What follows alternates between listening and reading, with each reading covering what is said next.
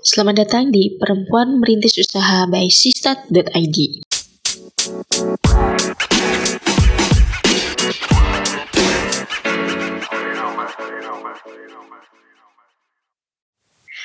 Oke, selamat datang di konten Sihir, She Share What She Heard by Sistat.id.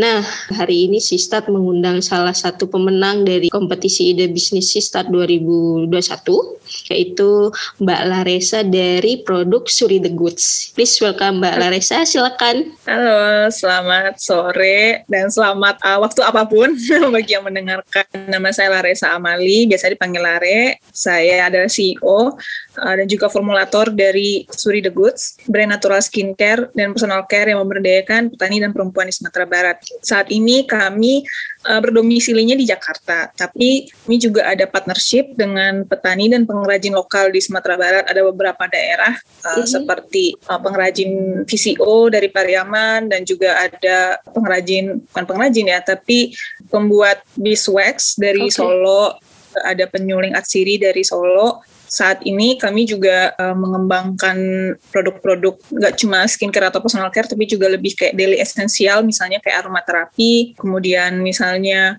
produk untuk recovery dari COVID kita hmm. juga banyak tapping ke sana gitu sih Mbak Nima.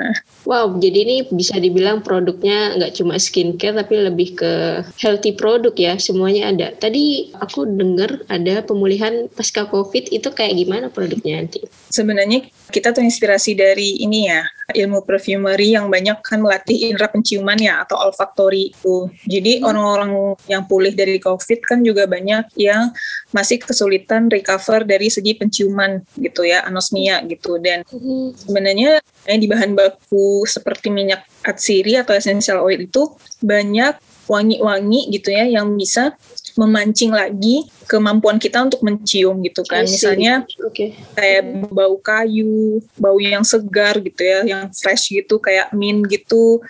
Nah, itu kan juga bisa melatih lagi uh, aku juga sempat nonton sih beberapa minggu yang lalu dokumenter tentang uh, fenomena anosmia yang terus-terusan gitu. Jadi memang sudah dikatakan disable lah secara penciuman gitu kan. Jadi memang katanya mau nggak mau harus dilatih lagi karena indera penciuman itu seperti otot. Jadi itu inspirasinya kenapa kita juga mau masuk ke situ gitu. Oke, luar biasa ya idenya. kepikiran aja mbak kamu mbak bikinnya. Oke, sebenarnya ya salah satu alasan kenapa Suri The Goods menang di uh, kompetisi ide bisnisnya si Start kemarin itu adalah kalian itu kuat di masalah ide mengenai pengangkatan budaya Minang di dalam produk kalian gitu. Hmm. Boleh cerita sedikit nggak sih apa yang membuat teman-teman mengangkat budaya itu apakah kamu emang dari Minang atau gimana mbak? Iya emang kalau aku eh, kebetulan lahir besarnya itu di Sumatera Barat. Kalau besarnya di Kota Padang, hmm. tapi nyebutnya itu kampung ya. Itu kam kalau pulang kampung tuh ke mana gitu? Aku itu kampungnya uh, di Kabupaten Agam. Uh, ada nama daerahnya Matur gitu. Okay. Nah mamaku karena kita orang Minang itu dari uh, mengikuti garis keturunan ibu, jadi yeah. Iya. uh, mama kampungnya di situ, jadi aku juga kampungnya di situ tapi aku juga pulang kok ke orang apa ke rumah orang tuanya ayah.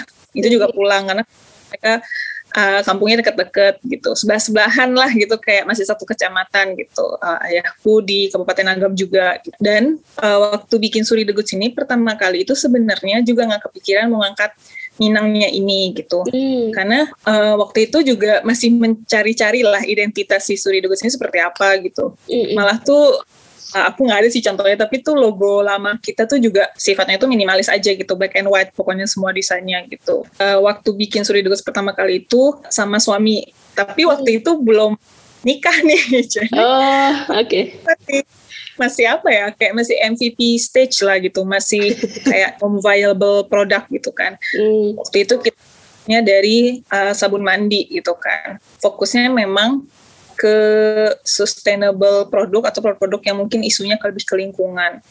Tapi semakin lama dijalani, itu kan mulai dari 2017 ya gitu. Mm-hmm. Semakin didalami natural skincare ini, mm-hmm. sampai saya pun juga belajar tentang uh, natural perfumery gitu ya. Yeah. Kok ini arahnya makin jelas ya gitu bahwa apa ya kalau ini menurut saya pribadi mungkin ya yeah. sebagai formulator uh, melihat bahwa banyak sekali bahan baku yang dipakai di dalam uh, skincare, personal care dan uh, produk natural uh, home care juga atau lifestyle itu banyak dari bahan-bahan tanaman gitu ya bukan yang apa ya misalnya diturunkan lagi dari tanaman gitu ya tapi memang biasanya langsung nih dari tanaman dan hanya melalui proses-proses yang proses pengolahan yang sedikit gitu ya saya jadi nyadar gitu bahwa berarti ini kan sangat dekat ya industri kosmetik ini dengan pertanian gitu nah kalau hmm. ngobrol sama mertua gitu ya maksudnya sama ayahnya suami saya tuh suka nyambung gitu karena beliau juga uh, dosen pertanian ya di Universitas Andalas uh, eh, PTN yang ada di, di Sumatera Barat gitu ya. Oh, Sering ngobrol, okay, okay. kayaknya masuk akal deh gitu. Kalau si Suri ini tuh nge-support atau ngambil dari bahan pertanian di Sumatera Barat gitu. Itu pun masih belum bawa ke Minang gitu, masih masih secara apa ya, masih ya, ya dari situ aja gitu. Lalu kemudian pas udah mulai validasi ide, sering ikut kompetisi bisnis, kayaknya harus ini deh brandnya harus unik deh. Apa ya gitu kayak persoalan apa gitu. Karena mulai 2018 2019 itu kosmetik di di Indonesia sendiri ya itu udah didominasi brand-brand indie gitu kan. Iya. Yeah. ini kalau nggak nemuin si Suri ini seperti apa personanya bingung juga lama-lama gitu kan stagnan juga gitu. Akhirnya sering ngobrol sama ini sih mungkin kayak melakukan FGD singkat kali ya dengan uh, customer gitu mereka bilang bawa aja lah minangnya gitu. Nggak ada salahnya dicoba kan gitu. Yaudah deh aku coba cari-carilah gitu ya. Teman atau misalnya desainer yang bisa nih mengelaborate si prinsip Sumatera Barat atau Minangnya ini ke dalam brandnya Suri itu seperti apa. Ya udah akhirnya 2020 itu sibuk dengan itu gitu ya. agak lama prosesnya karena pandemi kan membuat orang juga sibuk ya atau beradaptasi gitu. Betul. Akhirnya mm -mm, brand branding total tuh tapi sebenarnya dari 2019 bulan-bulan September itu tuh udah mulai kok bawa si Minangnya gitu. Dan tadinya juga untuk membawa budaya Minangkabau ini kan apa ya bergeser banget gitu kan identitas surinya juga kan bergeser tapi lebih membuka opportunity baru gitu. Sementara hmm Kalau dibilang aku kayak anak Minang banget atau yang misalnya ngerti budaya banget juga enggak. Gitu. Tapi aku coba brainstorm juga kan kebetulan mendirikan Suri kan juga dengan suami ya gitu. Yeah. Dan karena suami saya itu dulu waktu kuliah itu mm. aktif sekali itu di uh, unit kesenian Minangkabau yang ada di kampus dia, kampus kita kebetulan sama gitu ya. Mm-hmm. Sibuk di situ ya saya brainstorm lah mungkin nggak sih kita bawa unsur-unsur budaya itu eh ternyata nyambung gitu kan Suri juga waktu itu um, mengikuti program inkubasi dari UNDP untuk uh, hmm. youth entrepreneurship dan social entrepreneurship. Di situ saya juga belajar SDG gitu ya, Sustainable Development Goals dan di situ saya mikir gitu ya. Hmm. Saya cukup bangga kok mengatakan saya orang Minang gitu dan apa sih hal yang menurut saya itu positif gitu dan juga sebenarnya juga bermanfaat gitu ya bagi kesejahteraan banyak orang dari dari nilai Minangkabau ini apa ya gitu dan bisa juga nyambung dengan Suri gitu. Setelah saya cari-cari juga datanya, riset sana sini, ya ternyata itu si nilai apa ya women empowermentnya itu yang bisa diangkat gitu dan ternyata juga memberikan apa ya keunikan tersendiri gitu bagi brandnya Suri gitu Mbak Nima. Oke luar biasa Mbak. Aku tuh sampai dari kemarin ya selalu agak rancu manggil kamu tuh Mbak Laresa atau Mbak Suri. Berarti kan brandnya lumayan gitu kan. Mbak Suri, Mbak Suri yang mana kata, bukan Suri namanya gitu kan. Oke. Nah Suri sendiri itu dari awal kamu bikin produk sampai sekarang namanya udah Suri atau belum? Udah. Jadi memang untungnya namanya itu udah dipilih dari awal yang merepresentasikan apa ya akar atau kayak personasi foundersnya gitu kan. Aku suami kan dari Minang. Kita dua-duanya orang Minang gitu kan. Hmm. terus tuh yang dari bahasa Arab gitu ya karena uh, kita kan Muslim kita pengen juga tuh namanya yang ada doanya lah gitu ya. Okay. tapi kita juga pengen ada bahasa Sanskritnya gitu. Apa hmm. ya yang ada di dalam bahasa itu gitu.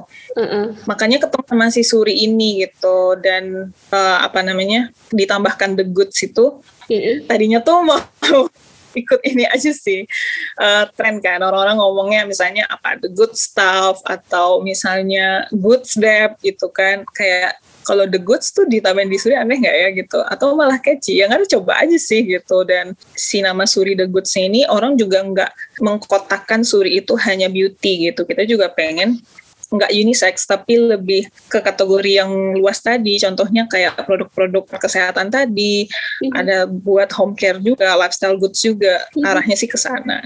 sih kreatif ya.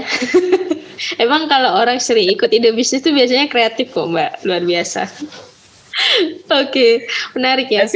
kemudian nih produk skincare, kemudian home care itu kan banyak ya. Kemudian uh, Mbak tadi bilang uh, brand-brand indie itu udah mulai banyak gitu. Nah, apa yang bikin Suri itu uh, katakanlah itu beda dengan yang lain atau mungkin keunggulan apa yang Suri punya tapi produk lain nggak punya? Kalau dari keunggulan produknya sendiri sebenarnya kan ketika kita mengatakan natural ini kan luas ya gitu. Hmm. sama aja kayak kita punya kemakanan kita bilang gluten free atau kita misalnya bilang beras bersertifikasi organik ya itu kan apa gitu kan? Standar siapa kemudian diprosesnya seperti apa, kemudian bahan bakunya itu ditanamnya aja tuh seperti apa, di mana gitu. Itu kan sebenarnya bisa kita definisikan sendiri ya kalau kita sebagai brand owner gitu ya. Nah, mhm. saya juga ngeliat tuh tuh Suri muncul itu uh, memang masih belum jelas ya. Bahkan tuh dari 2015 tuh saya udah mulai interest sih sama produk-produk lokal gitu kan. Dulu saya juga sempat kerja di startup lokal juga yang seperti Suri juga skincare gitu kan.